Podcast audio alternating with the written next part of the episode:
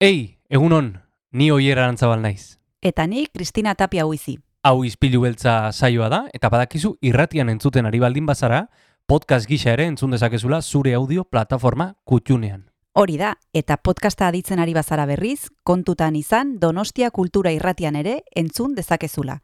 FM eundazazpi puntu lau frekuentzian. Sare sozialetan ere topatuko gaituzu noski, izpilu beltza bilatuta, Instagram, Facebook eta Twitterren. Besterik gabe, guazen gaurko saioarekin. Az gaitezen,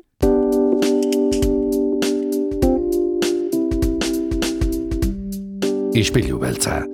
Donostiako kulturaren berri, Oyer Arantzabal eta Kristina Tapia buizirekin. Egun honen zule, urtarrilak bederatzi ditu, astelena da, eta hemen gaude izpilu beltzean, saio azteko prest. Egunon, Kristina. egunon eta urte berrion, oier zer moduz? Urte berrion, urte berrion, ondo. Bueno, ez dakit ja hain berandu esan daiteken urte berrion, ja urtarrilak bederatzi nik ezakit bakarrikan den bian eta iruan eta hasierako egun hoietan edo oraindik ere, Ez dakit. ba, Ah, guri, e, e, e, gure artean ez dakit, baina bintzat entzuleari urte berrion bat zor egiten. Bai, bai, bai. Bueno, egunotan izan dugu izpilu beltza, baino ez dugu izan elkarrizketa berririk, baino indar berrituta gatoz, eta gaur astelena denez, badekizue zein etorriko den agenda errepasatzera, oier? Gure oiko mm, e, pulpitutik hitz egiten duen apaiza. Mikel Iturria etorriko da, badekizue berak astelenetan kultur periskopioan errepasatzen duela Donostia kulturak eskaintzen duen agenda, eta gainera, hitz egingo dugu oian begarekin, oier, ze berak zuzendu du, e, besteak beste, bretxa mila zortzireun da mairu Donostiako sutea izena duen musikala, eta urtarrilean egongo da Victoria Joan Antzokian hiru egunez, amari, amairuan, amalauan eta amabostean, oier. Mhm. bai, e, placer bat izango da berarekin hitz egitea. Esan dut Mikel Iturria apaiza zela, baina bueno, zuzenduko naiz. Eh? Zuzenduko dut nere burua, ze, ze apaizetik gutxi dauka. E, zorionez, e, zorionez. E, tira, ba, esan bezala gogoa asko ditugu e, demoraldi berri honi ekiteko, beraz, mm, Jon Gartziaren baimenarekin hasi berko gara. Guazen gaurko izpi beltzarekin. Guazen.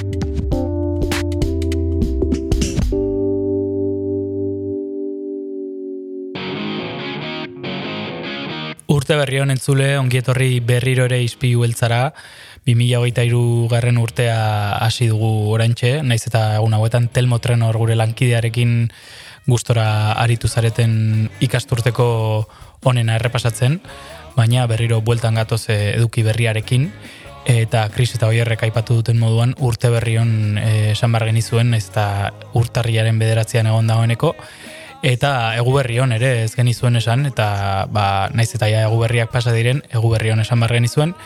Eta gaurko saioa azteko hain zuzen ere gabon kanta berezi bat e, ipiniko dugu. Kristonak taldeak e, atera duen ba, gabon kanta berezia, eta hause da, Dringilin Dron.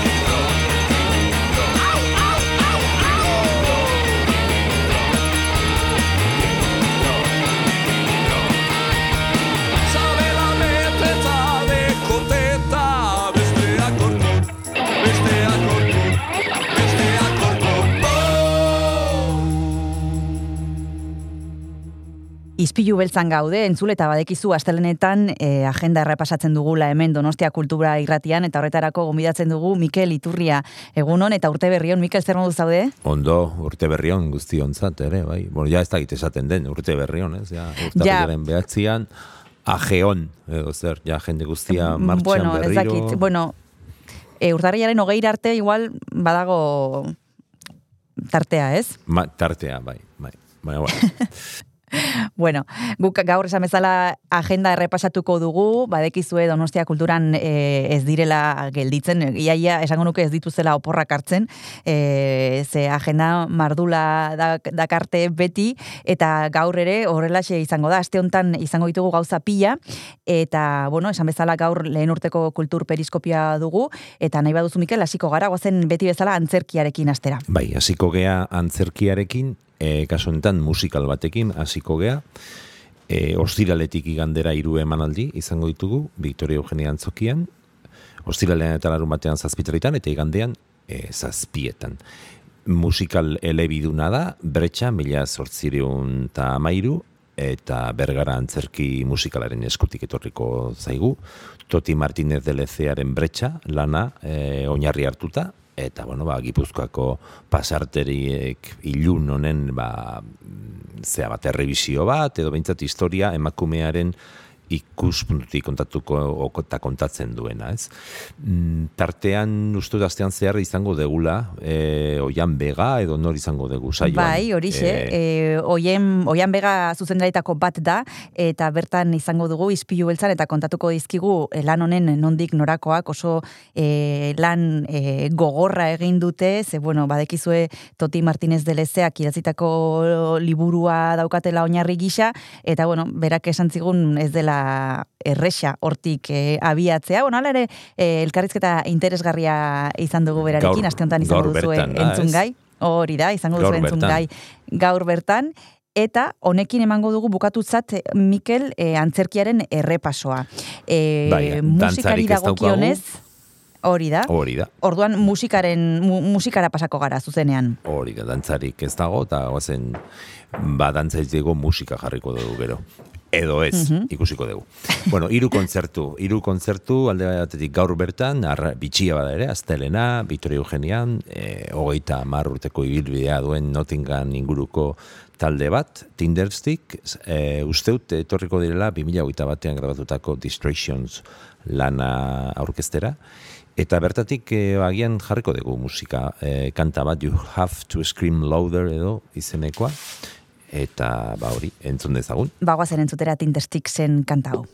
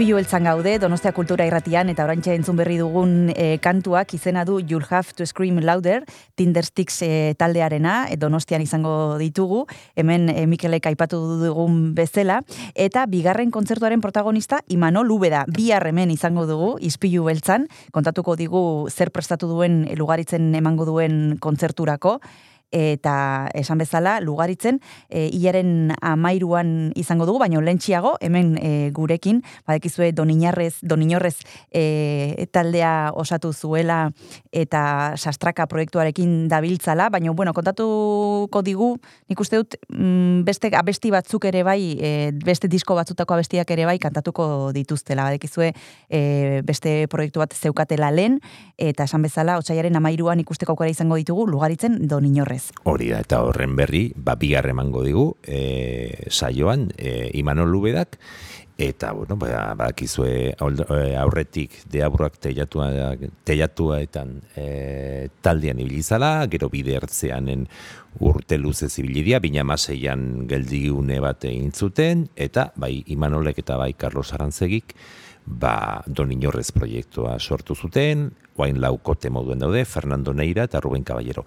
Aipatzekoa da, sastraka proiektuan, e, literatun jaialderen barruan, erakusketa bat izan genuela udazkenean, anoetako Ernest kulturetxean, eta, bueno, hortik horko lan horretako lan kolektibo bat da, proiektu kolektibo bat, Peio Lizarralde idazlea, Jose Ignacio Agor eta Margolaria, eta Imanol Raio zinemagilea, Eta gero letrak eta musika, ba, Imanol Lubedak, don, don inorrezek, ez? Orduan, ba, bueno, kanta hauek eta eta bere trajektorian egindako beste batzuk, ba, lugaritzen e, ostiralean.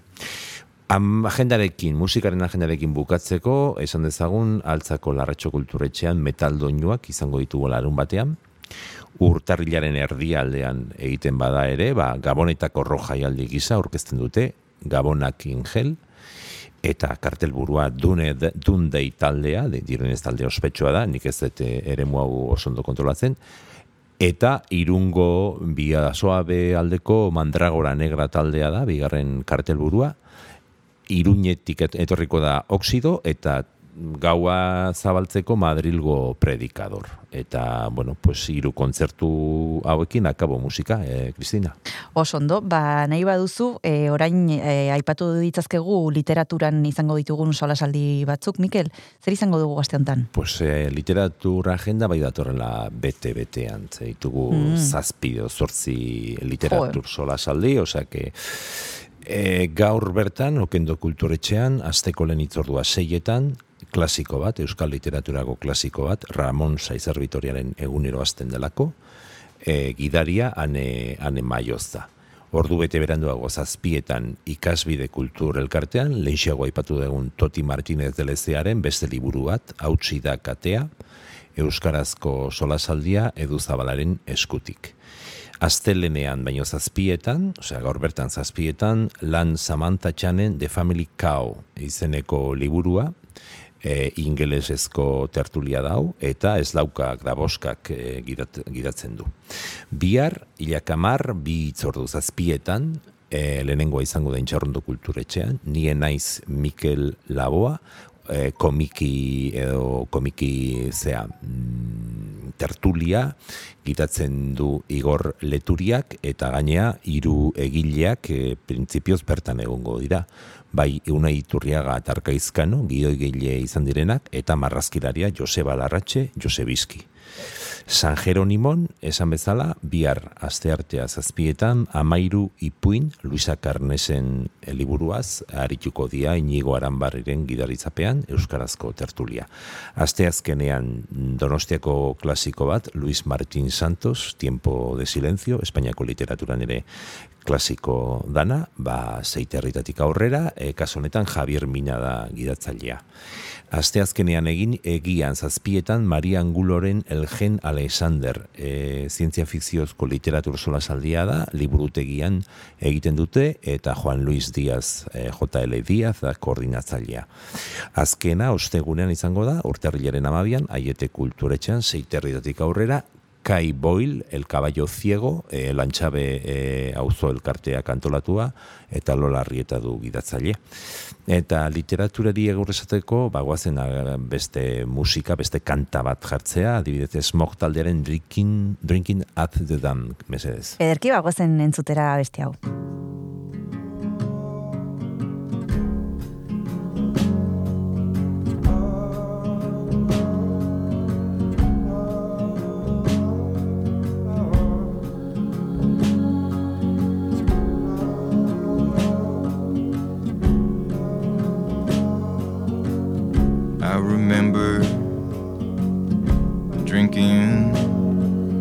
Dam.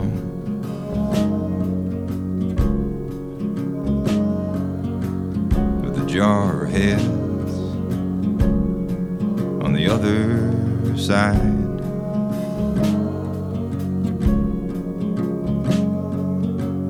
Warm beer and tearing up the cans.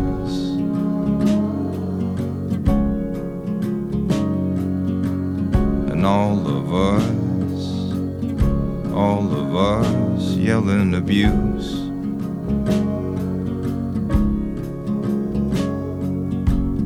Cut in school to go drinking at the dam.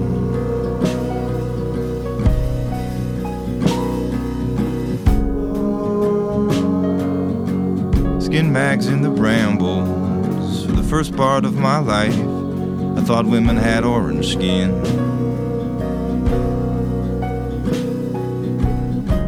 It was the first part. It was the first part of my life.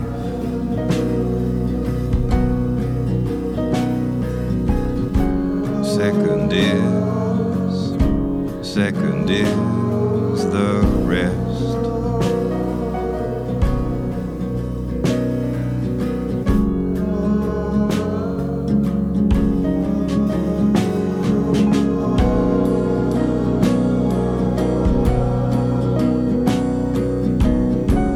Teenage war chests fill and do the dirty, dirty, dirty work. Teenage war chests fill and do the dirty, dirty, dirty work.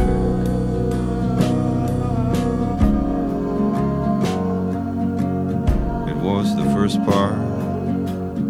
It was the first part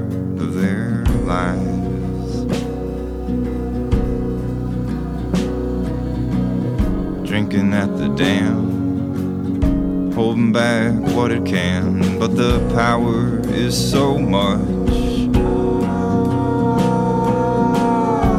Drinking at the dam, holding back what I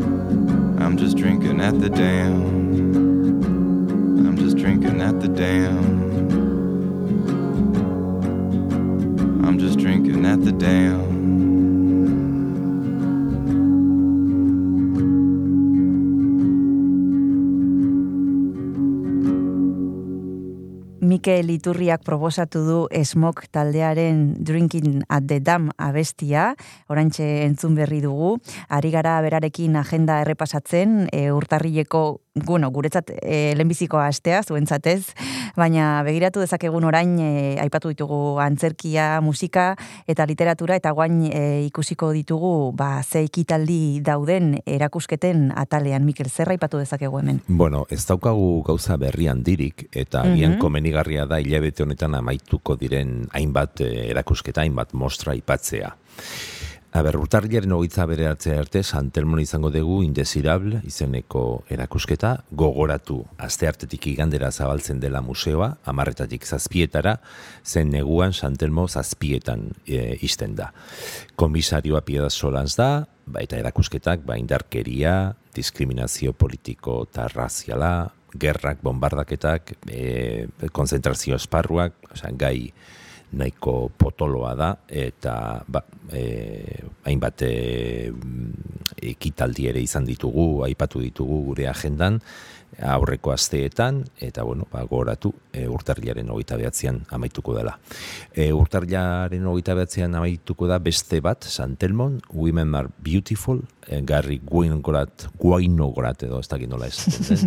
New. Yorkeko, New Yorkeko argazkilaria da, hogei garren mendeko argazki gintzan ba, mm, ba, badauka bere izena, Eta e, zergatik handago, e, e, Santelmon, ba, bildumagile donostiarrak, e, Lola Garrido, e, mila behatzirun eta laroita malauan, ia hogeita mar urte, e, erosizun, e, hogeita, laroita bos irudiko seria, eta bueno, pues orain Santelmon daukagu ikusteko, ikusgai.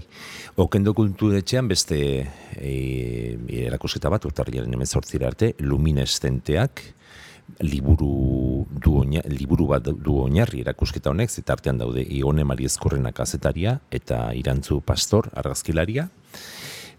Argazki gehiago urtarrilaren hogeita bira arte aiete kulturretxean fotokazetari baten lana gerra ere moetan e, oito, oikoa edo oituta dabilen dagoen Andoni Lubaki Ukrainari buruzko e, erakusketa. Aro berriko guda zaharra e, lankidetza bulegoak antolatu du, donostiako udaleko lankidetza bulegoak. Azkena, urtarrian hogeita sortzi arte Ernestu Kulturetxean, bakizue Pio Baroja jaio zela egun da berrogeita mar urte bete zirela inoxente egunean, 2008ko inoxente egunean, eta erakusketak eh, Baroja io bildumako hainbat azal eta postal ilustratzeko bueno, pues, e, ilustratu, e, osea, oiek ikusteko aukera izango dugu, Pio Barojari buruzko literatur postalak, eta, mm, bueno, pues, autorez ezagun, ezagunak, ez ezagunak ez, ezagun batzuen e, harrimana donostiako e, idazle honekin. Eta akabo erakusketak, e, Kristina. E, Mikelek aipatu ditu erakusketa hauek aprobetxatu, e, nahi izan ez gero ikusteko, ze segituan e, gunotan e, bukatuko dira, eta tartetxo bat hartu behar dugu, Mikel, ongi irutzen baldin zaizu eta segituan gara zurekin berriro bueltan.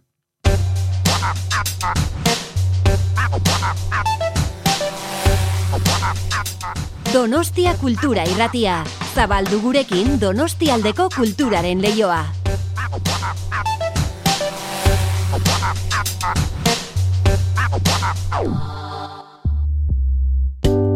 Gogoratu izpilu beltza entzuten ari zalera Donostia Kultura Irratian, baina nahieran ere topatu dezakezula podcast gisa gure saioa.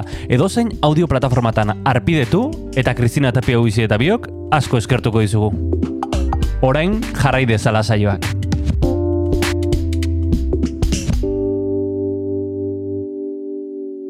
Arna sartzeko etenaren ondoren jardunaldi bat eta hitzaldi bat agenda isteko. Mikel, ze gauza bi aipatuko dizkizugu orain, dituzu, dituzu orain barkatu? Ba, jardunaldi bat, potoloa, urtarriaren mm amabian egongo da Santelmon goizta arratsalez ostegunean, lehen aipatu ditugu migrazioak eta, ba, bueno, pues, kasu honetan migrazioa, estereotipoak, fake newsak eta informazioa. Euskadimko zurrumurruen aurkako sarea da antolatzaile, ZAS, eta, bueno, ba, behiek e, aurkezpen testutik hartuta, esate dute, duela urte batzuk, ba, immigrazioaren inguruan zurrumurren aurkako estrategia bat sortu zen, baina e, fake newsek eta sare sozialek estrategia hori e, kolpatu indute, eta hanka gora jarri dute, ez?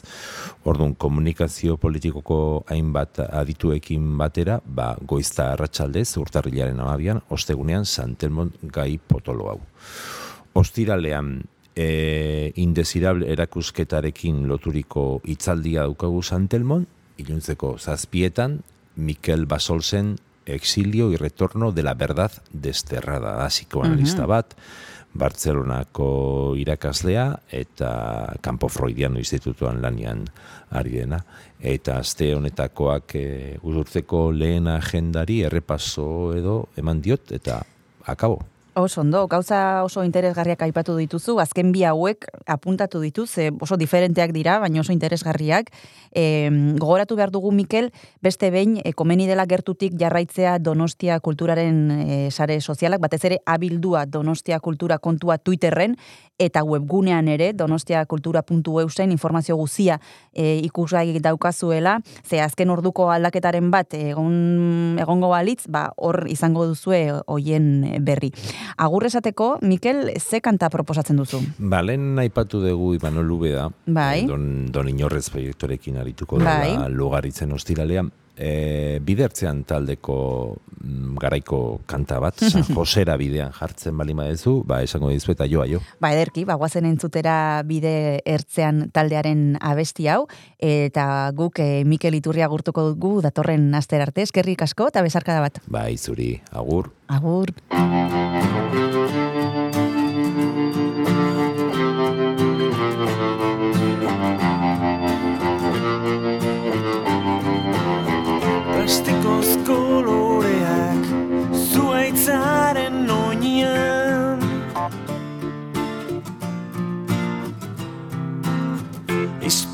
Apurtuak errekaren bestaldian.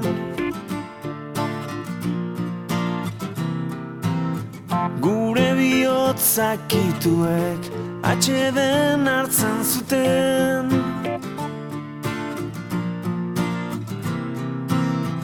Igande arratxaldetan San Josera bidian San Josera bidian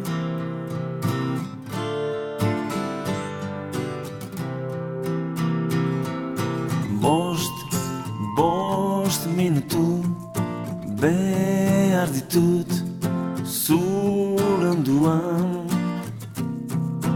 Bost, bost minutu argi izbi bat zure onduan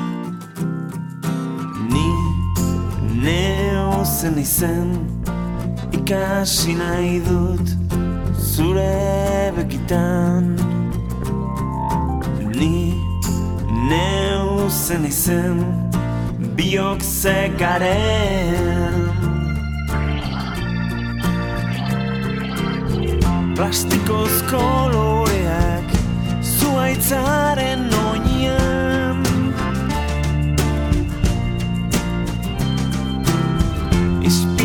apurtuak errekaren bestaldian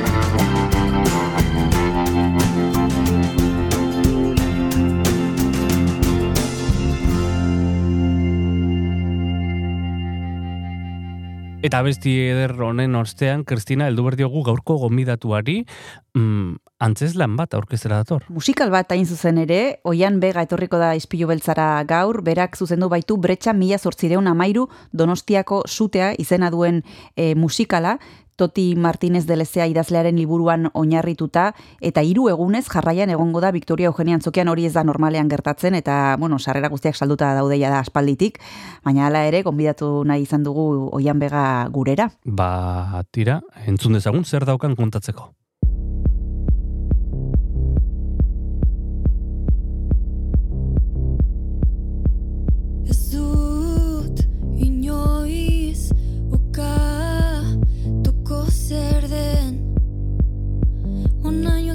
Nauena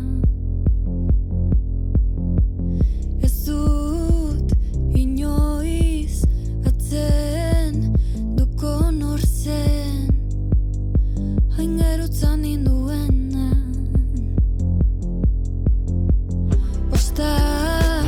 Tuzar baten Xokoetan Denetatik ikusten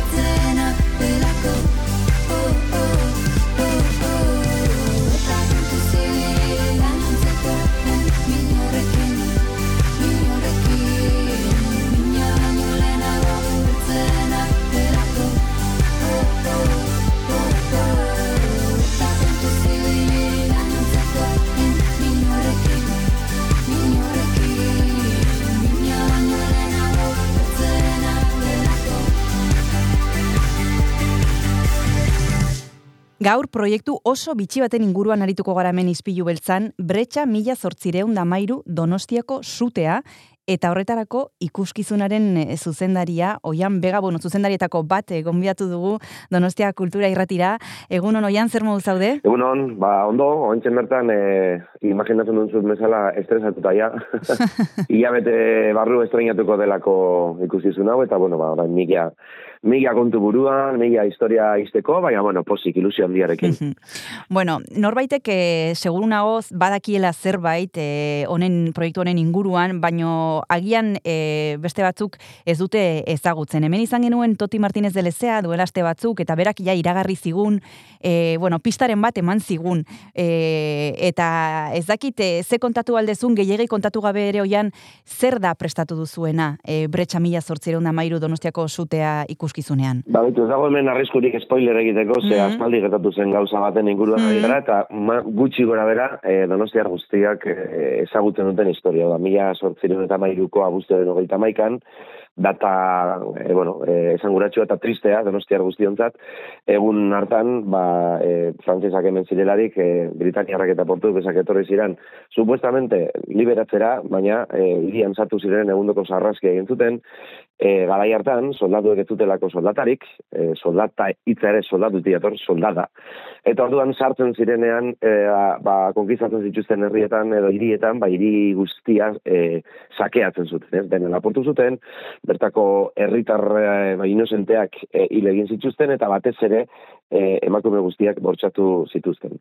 Orduan, e, bueno, urte askotan hori pixka tabu moduan geratu da, zen mundu guztiak ezagutzen du historia, mundu guztiak hitz egiten du aspekto militar edo politiko baten ikuspuntutik, baina ez herritarren ikuspuntutik eta are gutxiago emakumearen ikuspuntutik. Orduan, Toti Martinez de Lezea ezagutzen duzuenok badakizu beti duela sentsibilizazio berezia e, ba, emakumearen e, alduntzearekin, eta kasu honetan bere novela irakurri nuenean, nik, ni bergaran, bergarra naiz, baina nire familia ardia donostiarra da, eta oran irakurri nuenean, buf, oso eh, ezagite, asko, asko impactatu ninduen bere novelak, eta esan nuen, kontxo, pues honekin egin daiteke igual ikuskizun bat. Eta hori da, e, prestatzen ari garena. Eta horrela zen, oian, ez zuke liburua irakurri zenuen eta pentsatu zenuen eh, zerbait egin altzela hemen, edo ja lehendik eh, bo- beste norbaitekin aipatu zenuen gaia, edo mm, ba, Beitu, zuri eh, bururatutako bi zerbait da. eh, ba, bueno, erdi, erdi eta erdi, ze, ze ben bi zuzendari gaude, eh? Bai. bueno, gu urte askoan gara magu musikalak egiten, eh, ni eta Balen Moñuz. Eta oran Balen Moñuz nire lankidea, eh, bueno, bera eh, bergararra da ere, berak irakurri zuen liburu hori eta esan zian, oean, irakurri zazu hau, aberse, aberse, Holan, holan esan zian. E, gehiagirik esan gabe, zen nik uste berak basuela buruan eta basekiela esan, e, nola esan zen, bueno, hau oianek irakurtzen du, e, esako dit baietz, hemen musikal bat badagoela. Ez zian ala, ala proposatu zuzenean, baina, bueno, hola, berak, berak bota zian lehendabiziko harria. Eta, bai, liburu irakurri eta bere ala, e, esan nien, bale, hemen, hemen, e, badago ikusi zumat egiterik horrekin. Jungian totiren etxera, e, orain harreman adut berarekin, baina gara hartan nik ez nuen ezagutzen personalki, ezagutzen nuen jakina, ba, mundu guztiak ezagutzen den moduan, ba, Euskal Herriko eta inkluso estatuko e, idazlerik, e, ba, e, bueno, benta edo salmenta gehien dituena delako, ez? Beretze lagun, eta esan genien baitu, hau gu gara bi ero, e, hemen dirurik ez dugu, hau e, kultur elkarte bat gara, rollo egiten dugu, ezin dizu gordaindu, baina posible litzateke zure novela eramatea, Eta tipa isini geratu zen bi begietara begira eta bere esaldi bat etzai sekulastuko esan zuen. Zuek erotuta zaudete, burutik jota zaudete, eta nire etxean erotutakoak ongi etorriak dira.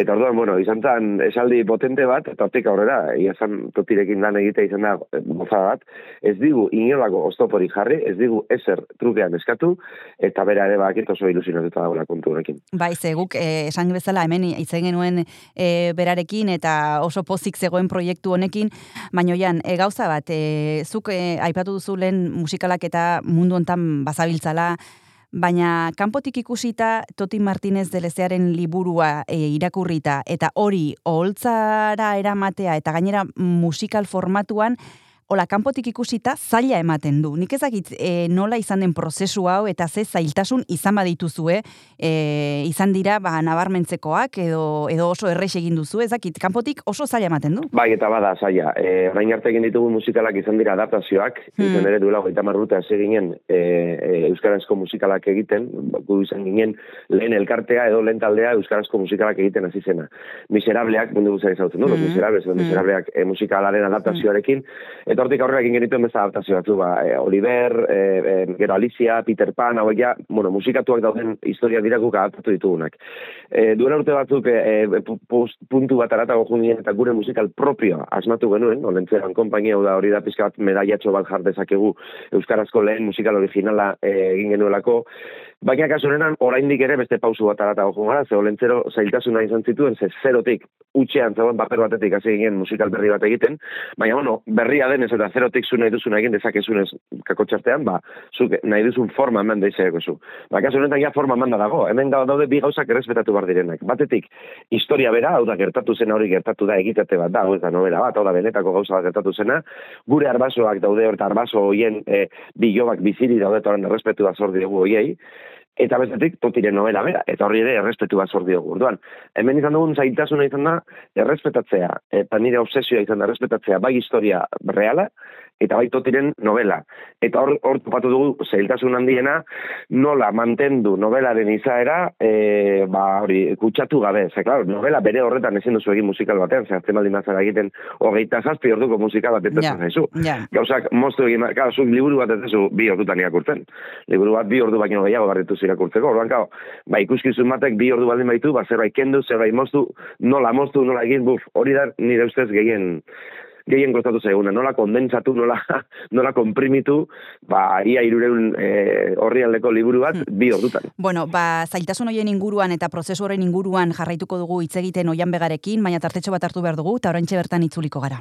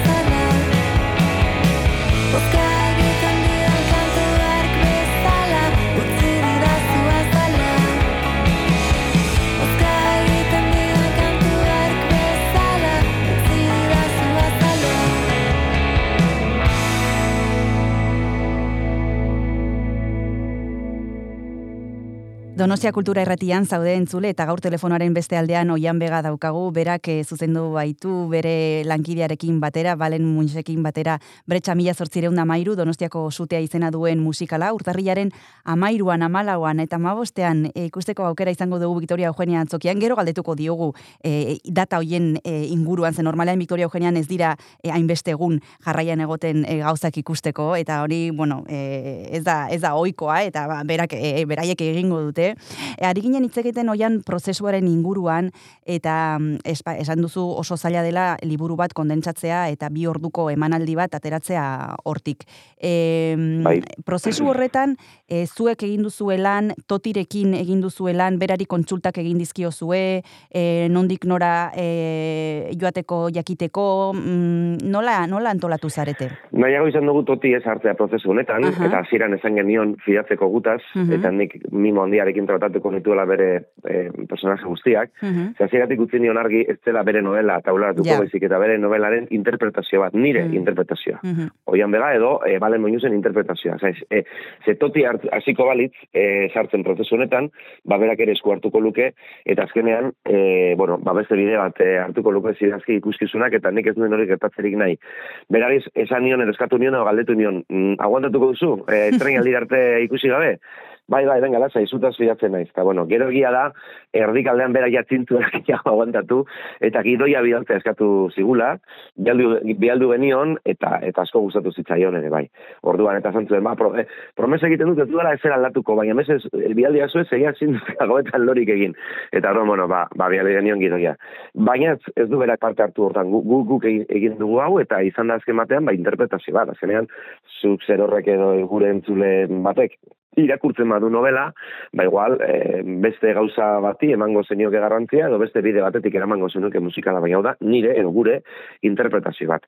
Gero askotan gertatzen da, zinera juten zarenean ere, bai, ba, liburu hobeto zegoen, esan dugu Mm. jendeak, normal, ezke liburu bat beti egongo da, beto, lehen esan dudan, ezke liburu bat inork ez du bi ordutan irakurtzen, liburu bat astebete, astebete behar duzu gutxienez, o inkluso batutan gehiago irakurtzeko, ez da horren, astebete hortan ordu asko daude, liburua irakurtzen. Ordu hori guztia pelikula bat ere bi orduko baldin bada, zerbait kendu behar dute, zerbait moldatu behar dute, ikusgarria egiteko batrukoren batera bili, horaka, azkenean, pues, liburua bere horretan ezin da egin, hori gertatzen da beti adaptazio guztitan. Eta bueno, ba, egia esan, e, totik esatea, gidoia irakurri ostean, asko gustatu zaiola, oso ondo dagoela, eta e, posik dagoela, ba, guretzat izan da, ba, beste opari bat, ez, bere, bere partetik. Kantu pare bat ere utzi dizioten zuteko, ez, ez denak, baina kantu pare bat ere, musika asko gustatu zaio. Ze hori izan da, lehen zaitasunak aipatzen zenituen, beste zaitasunetako bat musika komposatzea. E, Olentzeroren kasuan, oso musikal poperoa zen, e, bueno, pizka familiarra, ez, ba, ba, Peter Pan, Alicia, Olentzero, familiarra pizka tumeentzat, kantua pizka terresagoak, hemen oso korala da, oso orkestala da, oso e, epikoa, eta orduan, klaro, ba, hori komposatzea beste maila bat eskatzen du, laguntza izan dut ere horretan egia zen, orkestatzaile bat, Txemi, Txemi Etxebarria orkesta zuzendaria, Mikel Markegi orkestatzailea, eta buf, notas, nota, akordez, akorde, joan eh, konpontzen, gero, ba, ba, musika dakienak, badaude lege batzuk, eh, eh, en fin, eh, akordeen legeak eta harmoniaren arauak eta hori bete bar dira, eta ostras, izan da, bueno, luzea, asko ikasi dut, eta, bueno, ba, orain arte zalantzari gabe nire bizitzeko proiektua, hori, hori argi daukat. Gero aipatuko ditugu taldekideak, e, batzuk aipatu dituzuzuk, baina nahiko nuke beraien izenak esatea eta ze funtzio izan duten e, komentatzea oian, baino gauzatxo bat hori baino lehen e, aipatu duzu e, ez dela erresa e, liburu bat e, oholtzara eramatea, baino kasu honetan gainera liburu hori eramatea, ze arrakastatxua e, bada eta askok eta askok irakurrita daukagu eta nik ezakit horrek ematen dizun e, beste mm, erantzunkizun plus bat edo e, ze claro, ez da gauza bera inork ez duen irakurri, osea, inork irakurri ez duen liburu bat e, adaptatzea edo hau, ez? Edaki beldurra izan duzun. Bueno, beldurra baino, ba, esok esan duzun bezala, erantzunkizuna, baina ondo irtetzen bada satisfazio doblea ere. Mm, Ze bakite mundu guztiak, bueno, mundu guztiak, donostiarrak direnak, donostia ingurua e, bizi direnak, bueno, e, gehienak irakurrita daukazuen edo daukagun liburua dela, izan ere, e, gomendatzen ari naiz, musikalera etortzen den hoientzat, e, irakur dezatela liburua lehenago, hau da, liburua irakurri gabe, perfecto ulertzen da musikala. Baina, irakurtzen baldin baduzu, zuk esan duzu irakurrita duzu ez dakit noiz, baina igual aspaldi irakurri Aspaldi. bazenuen, gomendatuko nizuke ere e, e, irakurtzetzea berriz ere, ze fresko ukita buruan, hobeto edo bezain beste modu batera iritsiko zaizu musikala nire ustez. Eta nik gomendatzen dut, ba, sarrera eskuratu duen orok irakur dezala liburu hori. Bai, erantzunkizuna potentea da, egongo da, seguro, baten bat esango da, batzai gustatu oianen interpretazioa, edo, ba, liburu beto zegoen esaldi tipikoa, bueno, ba, bai, baina, bueno, eh, es- esan bezala, ba, preste egon zaitezte, e, e, bueno, ez dela zuen interpretazioa nirea baizik, eta jazta. Eta liburu hor daukazu etxean, osak, ez nahi zunen irakur dezakezu berriz ere nire musikaletik pasagabe. Oso ondo. Ba, bigarren tartetxo hartu behar dugu eta segituan itzuliko gara oian begarekin hitz egiten proiektu honen inguruan, musikal honen inguruan.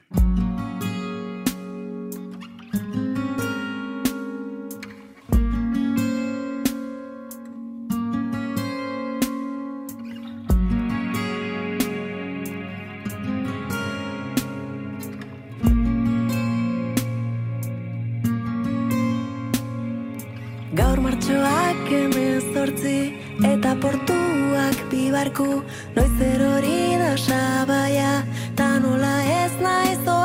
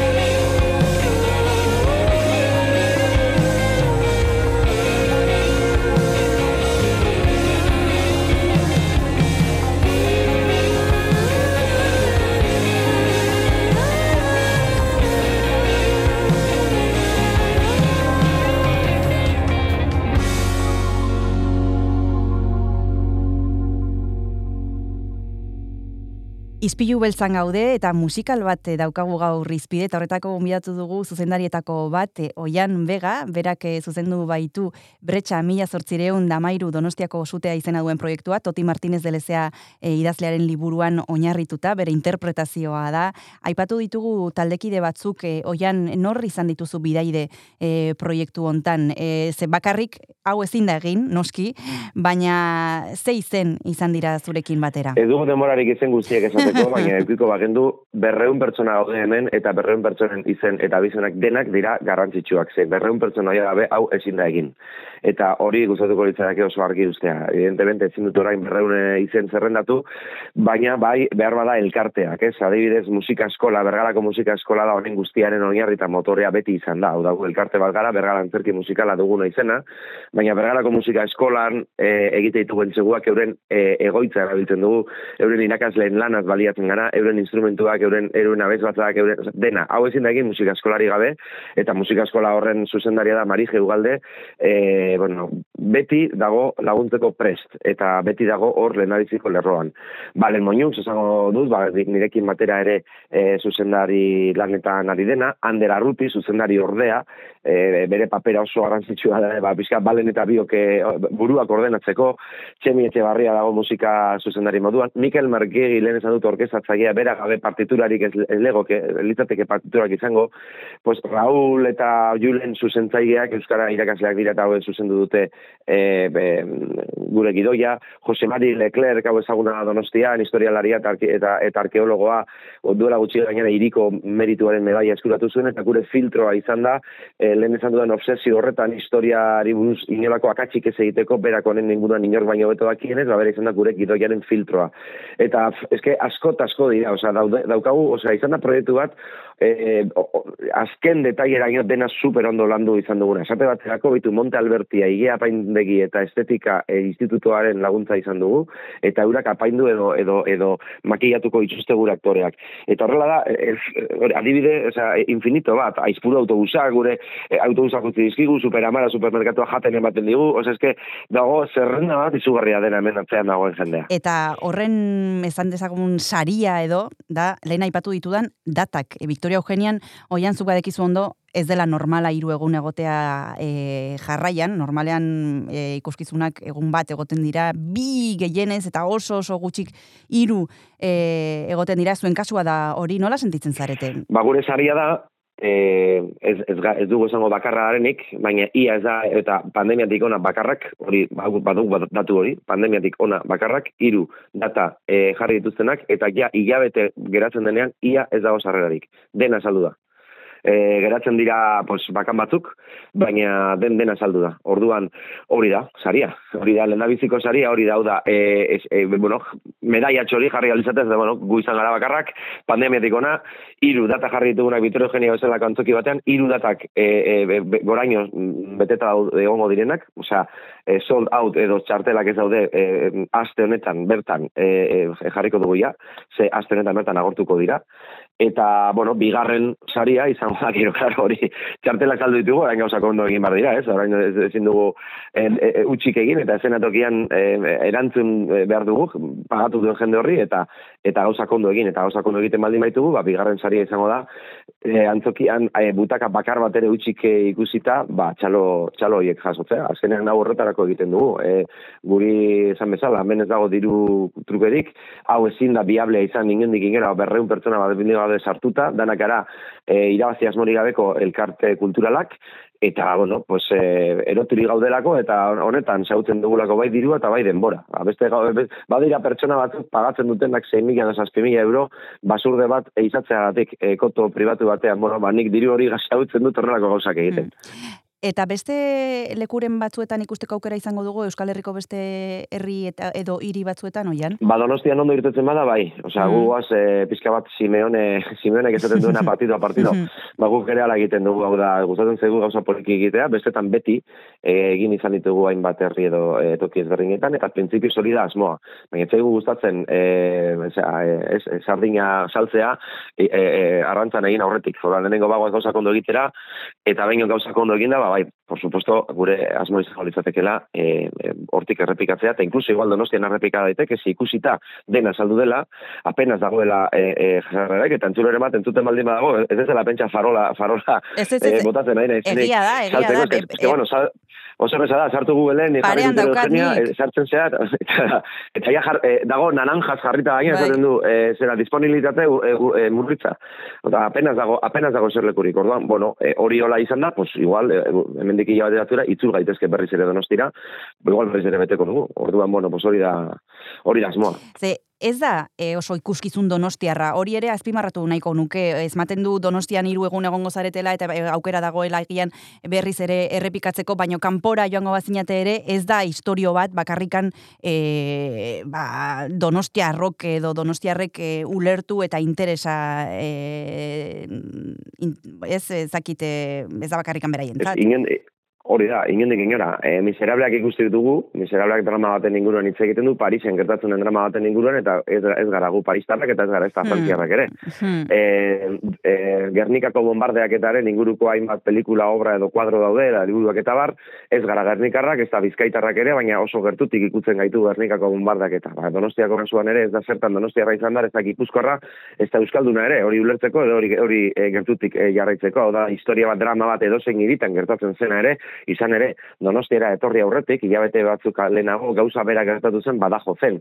Badajo zen, badute, e, ospakizun bat hemen guko, e, bueno, ospakizun edo memoria bat, bogeto esango dugu, abuztuaren hogeita maikan egiten dugun bezala, eurak ere egiten dute antzeko zerbait, eta soldadu berber, bueno, berberak edo konpainia berberak izan zidan, hilabete lehenagoz sarraziori badajozen egin zutenak, eta ba, e, peninsula igotzen hasi ziren enean, hainbat eta hainbat herri izan ziren horrela suntzitzu zituztenak, beraz, hau ez da gauza aislatu bat, eta ez da bereziki donostiarrekin lotutako zerbait.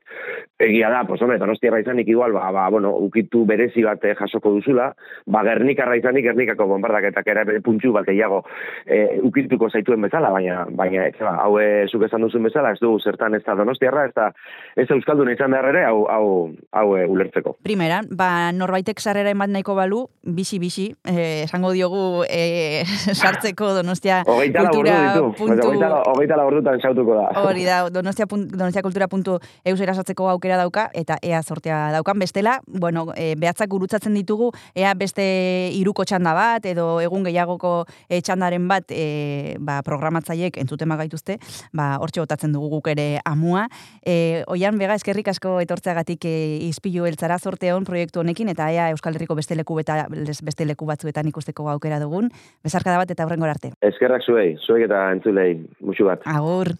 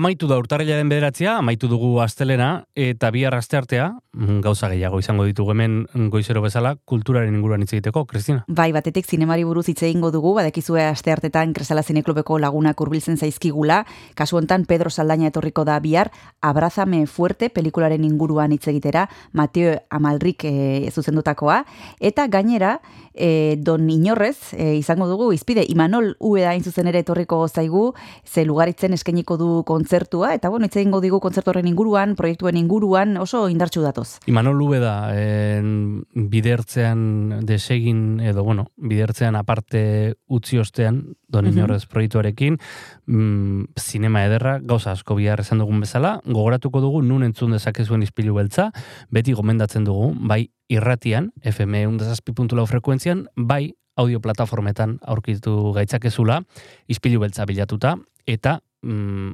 arpidetzeko gomendioa luzatzen dizugu, ze behin arpidetuta, mm, gure kate motzean loduta geratuko zen.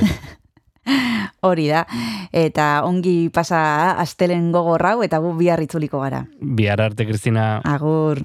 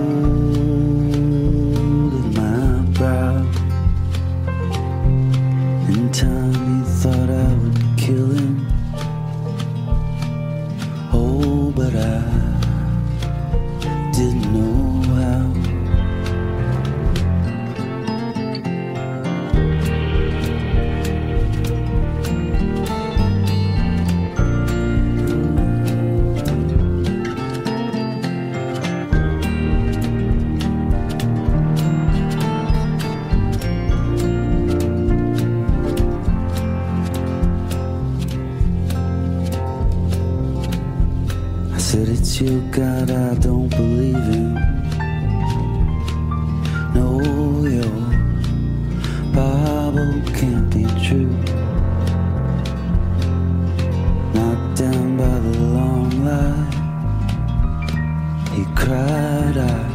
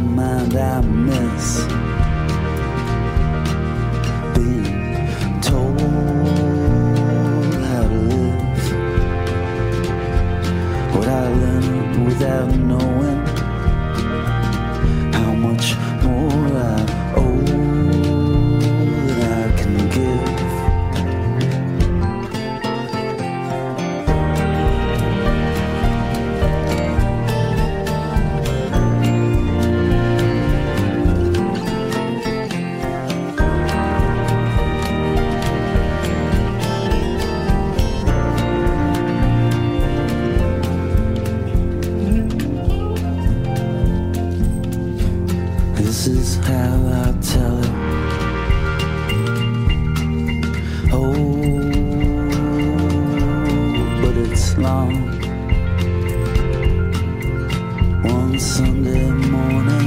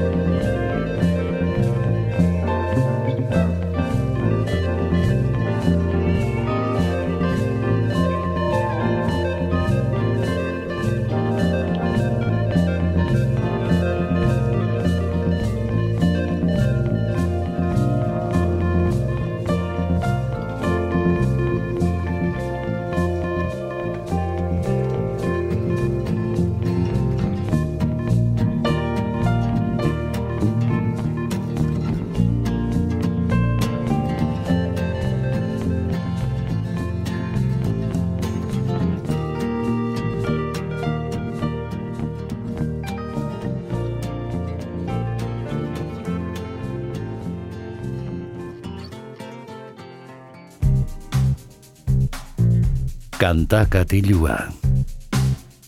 Jon Gartziaren eskutik.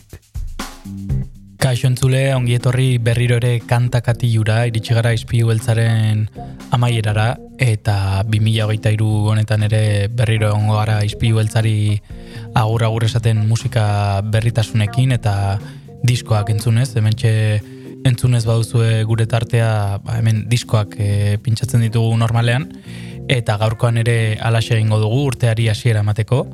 Bizkaiara joango gara, sua taldearen azken lana ezagutzeko, gorde genituen beldurrak izeneko lan luzea, atera berri dute, eta alaxe hasten da, hitzik gabe izeneko kantuarekin.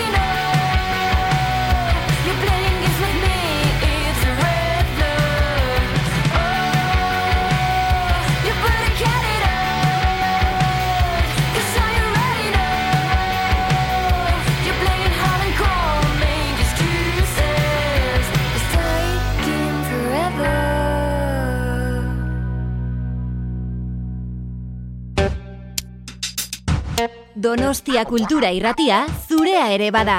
Zatoz eta parte hartu.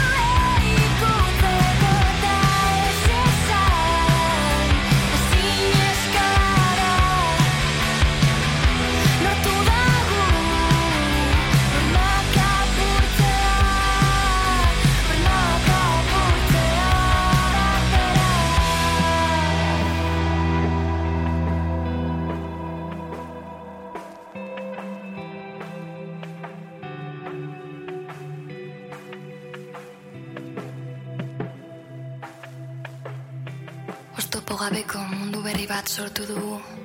Non izarren artean egotea posiblea den. Ni eta zu, zu eta ni Elkar bezarkatzeko aukerarekin.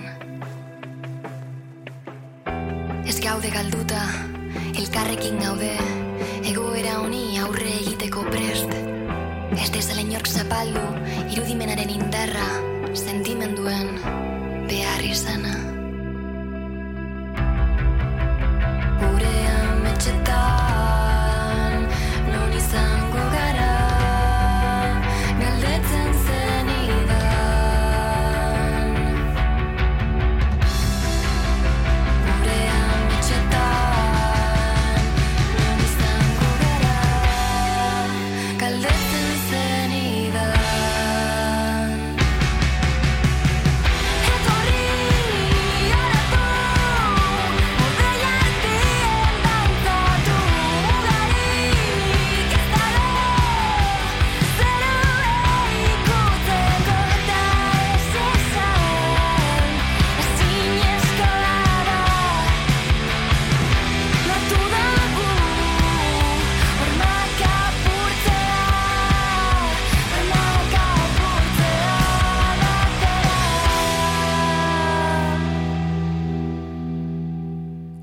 genituen beldurrak izeneko diskoa ezagutzen ari gara gaurkoan kantakati joan izpilu beltzari amaiera emateko, eta tira sua taldearen eskutik egindako diskoa da, e, igain estudioetan usurbilen, aritzarregi teknikariarekin, eta Ultramarinos Costa Braban e, masterizatu dute lan ederrau, e, eta tira, guazen beste abesti bat ezagutzera, orain txentzun duguna izan da, Ormak apurtzea izeneko abestia eta entzungo dugu urrengo kantua. Hau da zer izan ginen.